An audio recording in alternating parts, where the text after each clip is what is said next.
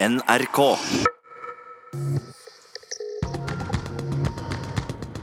Om jeg så er det siste mennesket på denne jord som sitter og røyker, så skal jeg sitte med hodet høyt hevet og sneipen i kjeften. Før i tiden var det lov å røyke overalt. Men under helseminister Tove Strand begynner en heftig strid om hvor det skal bli forbudt. Noen røyka i ett strekk. Sånn var det bare. Og det å forsøke å si 'kunne du dempe det litt', da fikk du bare sånn fnys. Å fly rundt i ganga her og jakte på røykende kjerringer, altså, det må jo være forferdelig spennende. Jo, det gjør du. Kampen mellom røykere og motstandere blir tett og dramatisk. Ikke minst for de sentrale politikerne. Høybråten, det er kommet en drapstrussel mot deg. Du vil bli satt under 24 timers politibevåkning. Du hører på hele historien om den norske røykeloven. Av Line Alsaker, del én av to.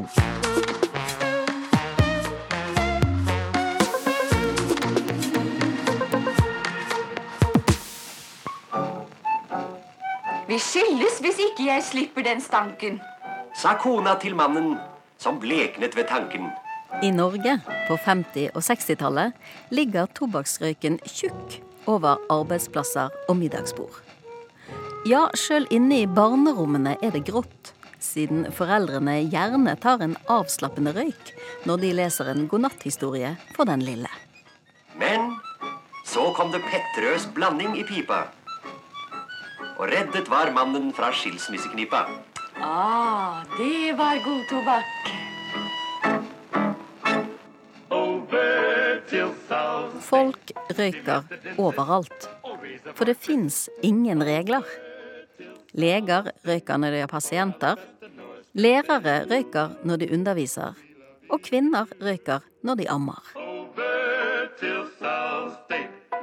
Men i 1971 sender Norges eneste TV-kanal, NRK, opplysningsserien Vel blåst, der fire personer skal få hjelp til å slutte å røyke, og forteller om abstinenser i beste sendetid.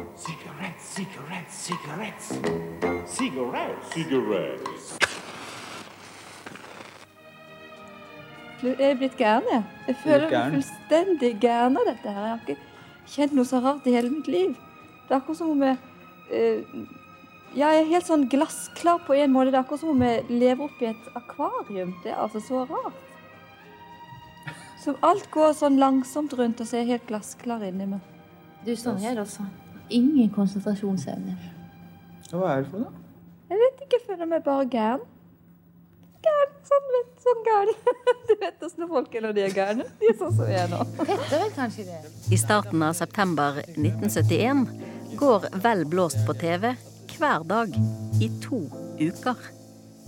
Mange misliker det de ser, og det kommer reaksjoner til NRK.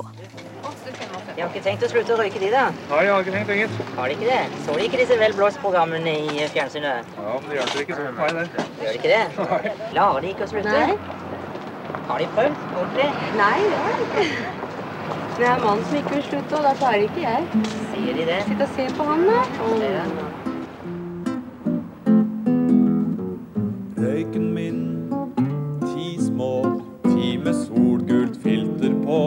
Åhå, savner deg så. Røyken min, vekk nå, alltid før i lomma lå. Åhå, hva venter meg nå? Sigarettpakker, tobakksposer, sigarer, sigarettpapir, ja absolutt alle tobakksvarer skal vekk fra vinduene. Vinteren 1973 blir tobakksreklame forbudt.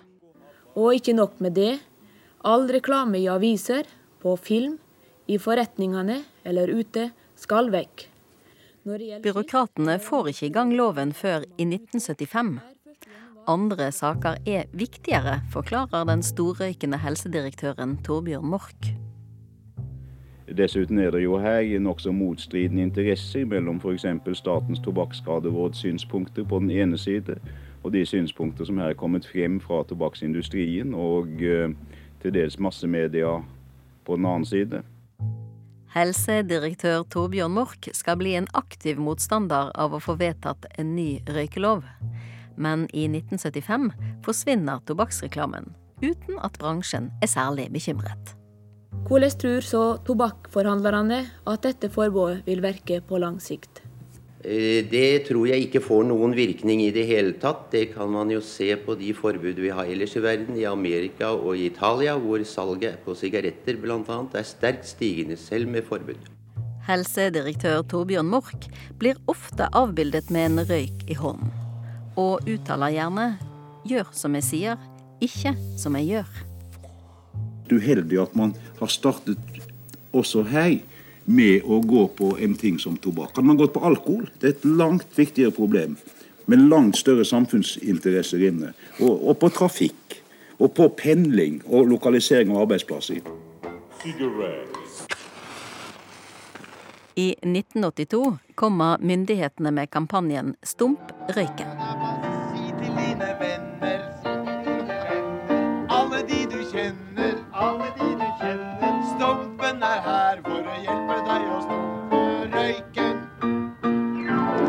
Visst skal det bli gøy å slutte å røyke i sommer.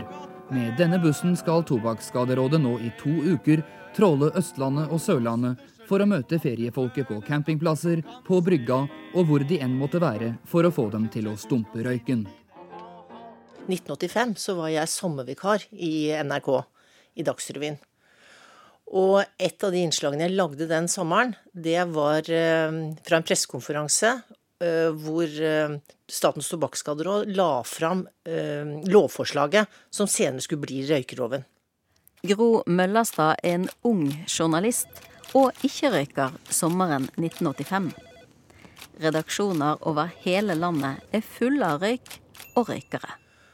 Jeg tror nesten ingen kan forestille seg nå. Det var altså, Dagsrevyens redaksjonslokale var altså så røykfylte, og Lars Jakob Krogh satt da på vaktsjefplass og røyka sigar. Så det var jo en ganske eim av litt av hvert i de lokalene.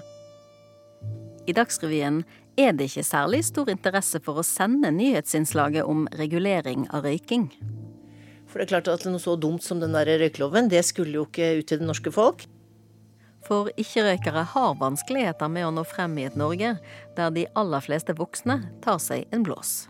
Vi får daglig telefoner fra folk som ber om hjelp. Nå orker de ikke lenger å ta belastningen ved å stå frem på jobben i offentlig sted og be om røykfrihet og bli stemplet som fanatikere og prippende og intolerante. Nå vil de ha klare regler. Hva er det som er normen, slik at de vet hvilken rett de har? De har rett til å puste i ikke forurenset luft. I 1986 blir Tove Strand ny sosialminister for Arbeiderpartiet. Gro Møllerstad intervjuer Strand på hytten i Gudbrandsdalen. Og de finner tonen såpass bra at når Tove Strand trenger en ny rådgiver samme høst, så ringer hun overraskende til Gro Møllerstad for å høre om hun er interessert. Da sa jeg faktisk det som har blitt et uttrykk fra en viss Idol-scene. Nei, dette er direkte sinnssykt, husker jeg at jeg sa. Og så husker jeg at jeg måtte sette meg ned. Uh, og så uh, sa jeg til Tove at uh, jeg fatter ikke hvorfor du spør meg. Jeg har jo ingen politisk fortid. Ja, og så ble svaret ja. Tove Strand og Gro Møllerstad skal sammen kjempe en dramatisk kamp for å få den første radikale røykeloven gjennom i Norge. Det vil de få til så fort som mulig, så arbeidet begynner umiddelbart. Og vi bestemte oss for at eh, vi skal prøve å lage en lov som gjør det mulig da å bevege seg ut i det offentlige rom uten å bli plaga av røyk. Den nye loven går ut på å forby røyking i felleslokaler. Som f.eks. inne på togstasjoner, pauserom, møterom og fly og tog. Folk skal ha rett til å puste i røykfri luft. De kaller det en frihetslov. Ja, og jeg hadde jo også sjøl erfart hvor slitsomt det var med røyking. Jeg satt i bystyret i Oslo. Vi hadde møter tror jeg, fra tre til elleve om kvelden. Og det var altså helt grått inne i møterommet. Og jeg husker den ene av de radikale veteranene i Arbeiderpartiet foreslo at vi skulle få røykfritt i møtesalen. Og det var noen få som stemte for det, og vi blei jo ledd ut. Så jeg kom hjem fra hvert av de møtene med vondt i huet, og, med, og jeg stinka jo. Så jeg hadde jo sjøl opplevd eh, at dette her begrensa friheten for mange. Og hvis du var astmatiker, så kunne du ikke sitte der. Bare tanken på at det muligens ikke kommer til å være tillatt å røyke akkurat der det passer, hvor tid som helst, om det er ute eller inne, den tanken er for de fleste så fjern at det ikke engang er mulig å forestille seg. Stemningen er mildt sagt på røykernes side i det offentlige rom. Senfredag 1986. Eh, hvordan skal så dette kontrolleres? Hvis du bor på et uh, værelse, og så får gjester og en av dine gode venner da skulle, skulle ha lyst på en røyk, og tar seg dette på dette værelset. Hvor er da ansvaret? Er det du som skal henges ut, som bryter uh, bestemmelsene, eller er det hotelleieren, verten? Takk for det, Martin. Det er jo det er jo eieren av lokalet som først og fremst skal passe på at loven uh, håndheves. Og dette, i, dette, og i dette tilfellet så er det jo mange andre steder man kan gå på hotellet enn å sitte akkurat på rommet og røyke. Én sak er motstanden fra røykere ute i befolkningen. En helt annen og enda tyngre sak er motstanden sosialminister Tove Strand og rådgiver Gro Møllerstad møter i egne rekker.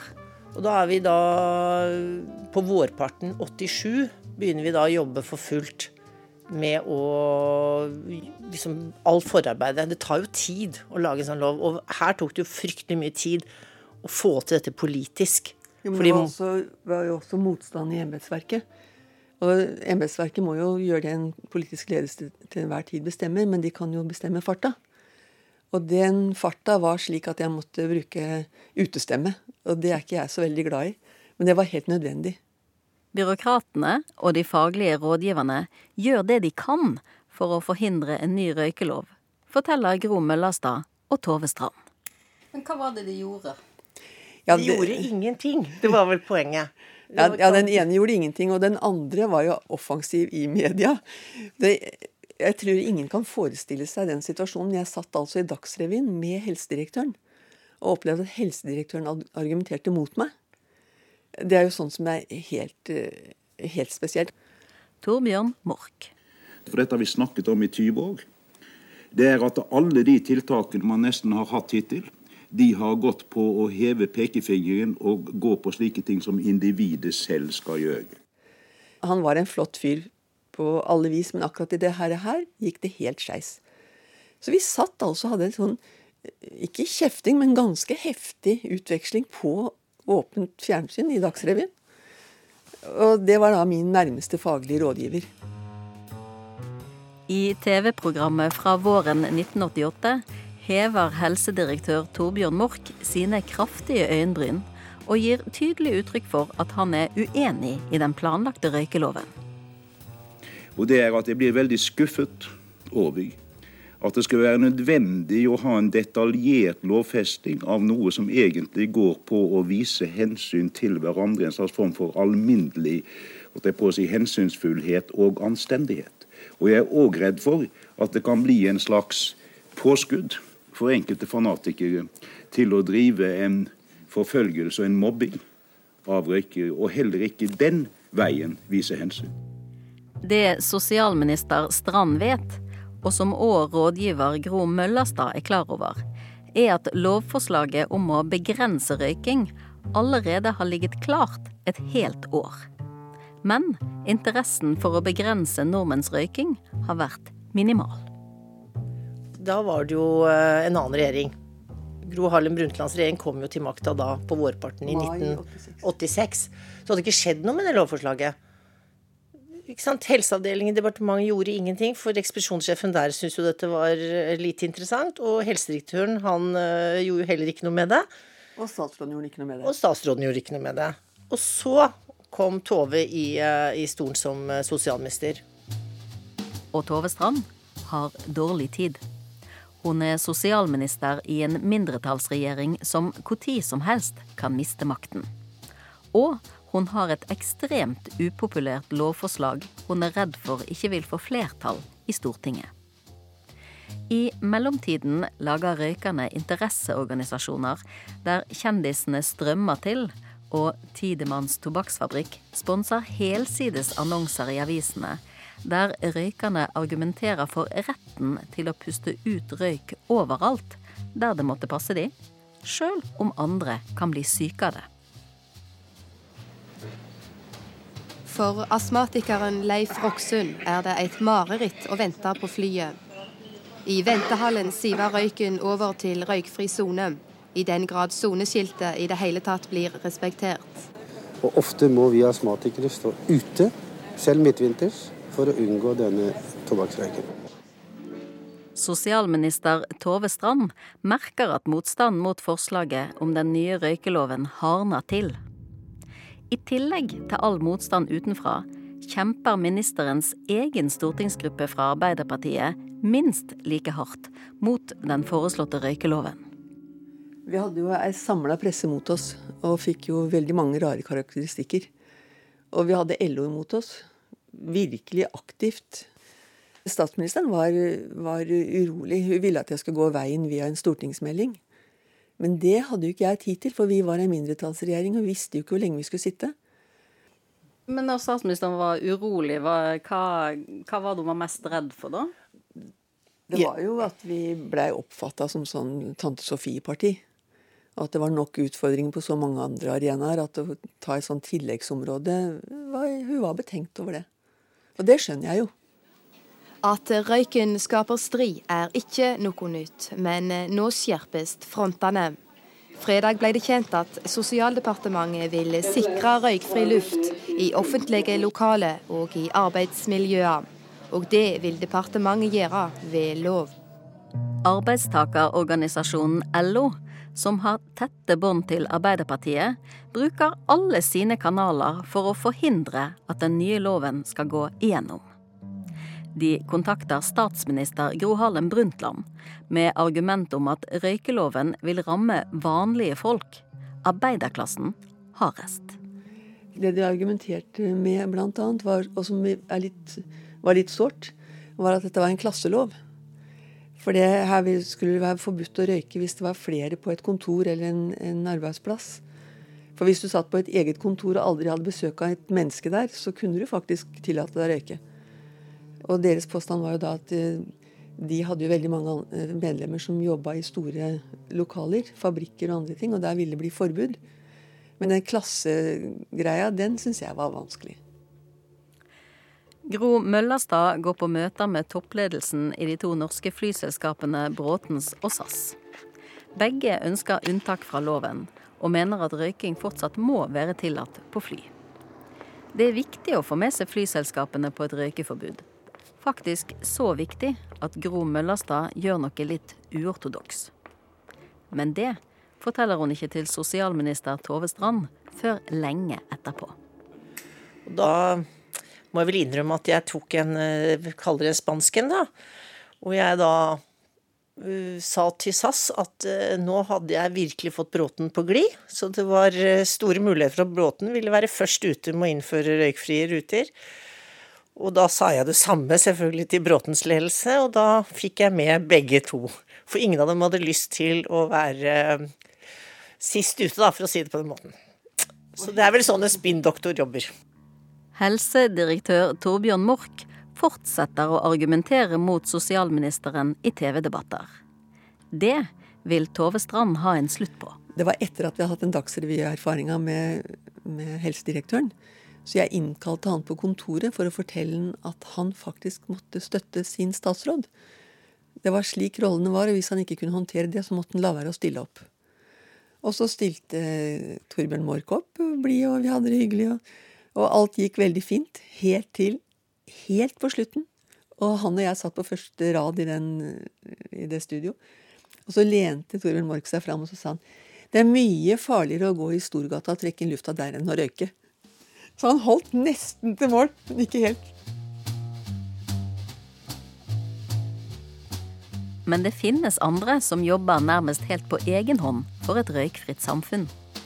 På sentralsykehuset i Akershus, nå Ahus, jobber en tidligere skipslege og svært overbevist ikke-røyker.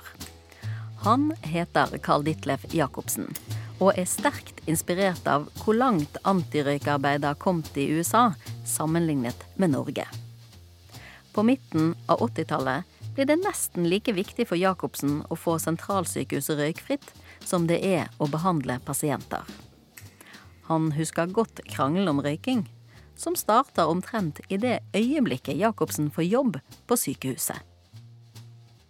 Jeg begynte vel i, i 72-73, tenker jeg. Derfra. ja.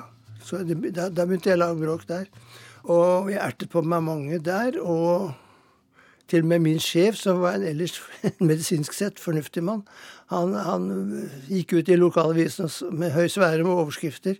'Hold kjeft, Jacobsen'. Det var det, liksom det jeg fikk fra han.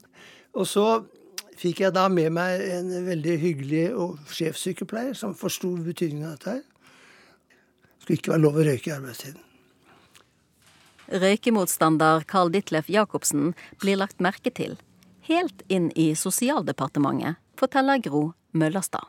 Det har jeg tenkt mye på, for han var jo en ilter mann. Han, han, hadde en ilter form. Jacobsen sleit Han hadde rett i alt han sa, faglig sett.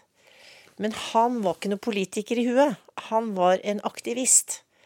Så Jacobsen tenkte av og til Han var ikke retorisk smart i måten han argumenterte på. Han gikk i alle fellene som programleder og andre motdebattanter la ut for han. Så bare snubla han i alle sammen, han, vet du. Så han var jo av og til, tenkte Jacobsen, ro litt ned, det der er ikke smart å si. Det er riktig. Men, men uh, han var jo en som sto på veldig oppe på Ahus da. Eller... Men, men, ja, men det, kanskje nesten til belastning. For det blei så veldig stramt. Ja. For du er nødt for å ha litt romslighet og litt fleksibilitet. For mennesker er ikke feilfrie, og det tar tid før vi finner veien. Og, så det, det må ikke være så pirkete. Han var ganske Ja, han var, nei, han var en klassisk var, aktivist ja, som eh, Kjempeengasjert. Ja. Så all respekt for det, men uh, han var ikke akkurat til hjelp alltid. Rådgiver Gro Møllerstad syns arbeidet med å få til den nye røykeloven går altfor sakte. Og jeg syns jo bl.a. at denne fraksjonen til Arbeiderpartiet i helse- og sosialkomiteen var utrolig treige og utrolig feige, ikke sant? For det jeg tenkte, at makan Pga. den store skepsisen i Tove Strands eget parti, så tillater statsminister Gro Harlem Brundtland at Strand legger frem lovforslaget for Arbeiderpartiets stortingsgruppe. Og da var jeg såpass engasjert og såpass ja, overbevisende at jeg fikk applaus i gruppa. Og da sa statsministeren at dette her gikk jo veldig bra. Og etter det var det veldig greit i regjeringa også. Dette hadde jo ikke jeg vært gjennom før. Så jeg syns bare de var Min opplevelse var at de var veldig treige, da. Det er stor spenning i stortingssalen før loven etter planen skal gå igjennom på vårparten i 1988. For det var jo veldig spennende i, eh, i Stortinget. Altså historien om hvordan får du ting losa igjennom i en, eh, i en stortingssal. For dette her var jo eh, krevende. Og det var jo usikkert i det siste. Vi hadde mindretall. Denne loven er med andre ord en rettighetslov for landets ikke-røykere. Høyre stemte imot, og det var forventa. Fremskrittspartiet stemte imot. De holder på fortsatt. Ja, Carl I. Hagen var jo blant de aktivistene mot loven. Med frisk språkbruk. Si her, president, at Personlig sluttet jeg å røyke på nyttårsaften. Det gjør jeg hver nyttårsaften. Jeg skulle nesten ha lyst til å begynne å røyke igjen i dag, bare for å vise at hvis jeg skal la dette være, så skal jeg gjøre det av fri vilje, og fordi jeg selv syns det er fornuftig, ikke fordi at flertallet i denne salen skal tvinge meg til å beskytte meg mot meg selv. Og vi måtte jo ha med oss selvfølgelig hele Arbeiderpartiet i egen stortingsgruppe. Og så visste vi at KrF ville stemme for. Og så var det et stort spørsmål, for Erik Solheim drev og rota litt rundt og vet ikke hva han tenkte på, ja, men han var liksom ikke helt for da lenge. Men SV ble vel med. De ble med. For Senterpartiet, Anne Engel Landstad, greide jo å stemme imot. Ja, og det har jeg bedt om unnskyldning for etterpå. Akkurat, ja. Når jeg går imot det foreliggende lovforslaget mot tobakksrøyking, er det ikke fordi jeg ikke tar helseskadene på alvor. Det er heller ikke fordi jeg ikke deler målsettingen om et røykfritt samfunn. Det er rett og slett fordi jeg ikke har noen tro på at lovforbud er det riktige virkemiddel. Stortingssalen er nesten nøyaktig delt på midten. Men det finnes tydeligvis flere tilhengere av den nye røykeloven enn mange har regnet med. Det blir spilt på alle former for samvittighet, og hva slags samfunn Norge nå egentlig skal bli. Når vi ikke lenger tror at opplysning og veiledning kan føre frem, da er slaget om vesentlige verdier tapt. Respekt for andre menneskers liv kan bare fremmes gjennom holdninger, og det holdningsskapende arbeid trenger en modningstid. Men det, var, det holdt akkurat. Akkurat. Det var ikke mye om å gjøre, altså. Så det var uh... Det var kjempespennende. For hvis noen brøt ut av gruppa f.eks. også, så ville det fort kunne tippe andre veien. Røykeloven som ble vedtatt i 1988, omfatter arbeidsplasser og steder alle ferdes. Det vil annet si at pauserom og møterom skal være røykfrie. Men det blir ikke innført røykeforbud på hoteller og restauranter i denne omgang, siden arbeidstakerorganisasjonen LO klarer å stoppe denne delen av loven. Dette skal LO seinere komme til å angre på. Og så, vet du, så var det den når loven da var gått gjennom i Stortinget, så skulle departementets jurister begynne å gjøre det praktisk operasjonalisere det til sånn hvordan skulle dette være ute. Det var en jobb som måtte gjøres da fra april. Og da kom igjen, for da kom jo ekspedisjonssjefen i helseavdelingen til Tove og sa nei, statsråd, dette, kan, dette må vi bruke litt tid på. Nei, sa Tove, den skal eh, tre i kraft 1.7.1988. Nei, det går ikke, det har vi ikke kapasitet til. Vi må, vi må, ha mer tid. Nei, sa Tove, jeg skal ha den Altså, den skal opp og stå 1.7 husker jeg veldig godt. Og det var da tenkte jeg liksom den derre serien Ja vel, statsråd. Sir Humphrey og sånn. Ah, Prime Minister. Humphrey. Did you have an interesting chat with Dr. Thorne? Yes. He proposed the elimination of smoking. Han stritta imot, men eh, det ble satt av en egen jurist. Mm. Og vi ble fortalt både titt og ofte at denne juristen han jobba dag og natt. Og det var ikke måte på. Så Det var jo greit, for det var en kort periode. Så vi, altså vi måtte trøkke på hele veien. Det var liksom ingenting av del av prosessen som at nå ruller av seg sjøl. Nei da. Og I den perioden der så hadde vi jo ganske klar føring på at det ikke skulle røykes i departementet. Og så En ettermiddag så satt jeg og jobba, så gikk jeg ut, for jeg skulle ut og kjøpe meg noe å spise. eller noe sånt. Og så kom jeg ut ved heisen, og der sto ekspedisjonssjefen og røyka. Han fikk se meg, ikke sant. Og han putta røyken inn i hånda lynkvikt. Og jeg har sjelden hatt så god tid til en sånn småpratsamtale som jeg sto og venta på den heisen. Bare fordi jeg syntes det var moro. Og ja, det ble litt vanskelig for han etter hvert. Den røyken inn i hånda. Men det var, eh, det var illojalt å gjøre det. Så derfor tenkte jeg at her, søren heller.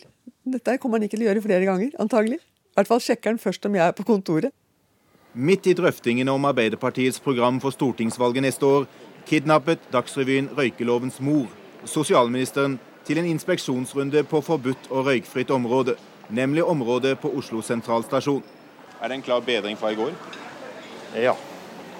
Så mens røykerne i trass stumpet røyken, strålte sosialministeren fra øre til øre. Ja, jeg er glad for at vi har fått til den loven her. For det er en bra frihetslov. To måneder etter at røykeloven trer i kraft, samler overbeviste røykere seg i organisasjonen Røykeringen Foreningen for hensynsfulle røykere. De holder pressekonferanse, naturlig nok i en tett tåke av tobakksrøyk, og de har ikke mye godt å si om verken loven eller sosialminister Strand.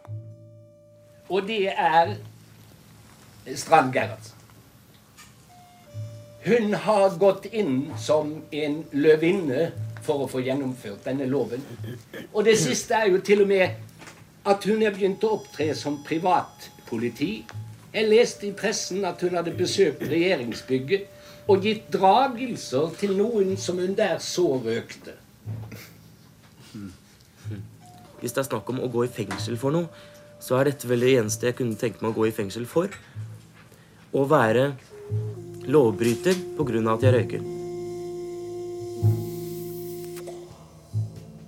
sosialminister Tove Strand har vunnet det første slaget om å begrense røyking i Norge. Men krigen om røyken fortsetter. Og dette skal få store personlige konsekvenser for en annen helseminister. I neste episode. Og så ringer det fra statsministerens kontor. Eh, Høybråten, det er kommet en drapstrussel mot deg. Du vil bli satt under 24 timers politibevåkning.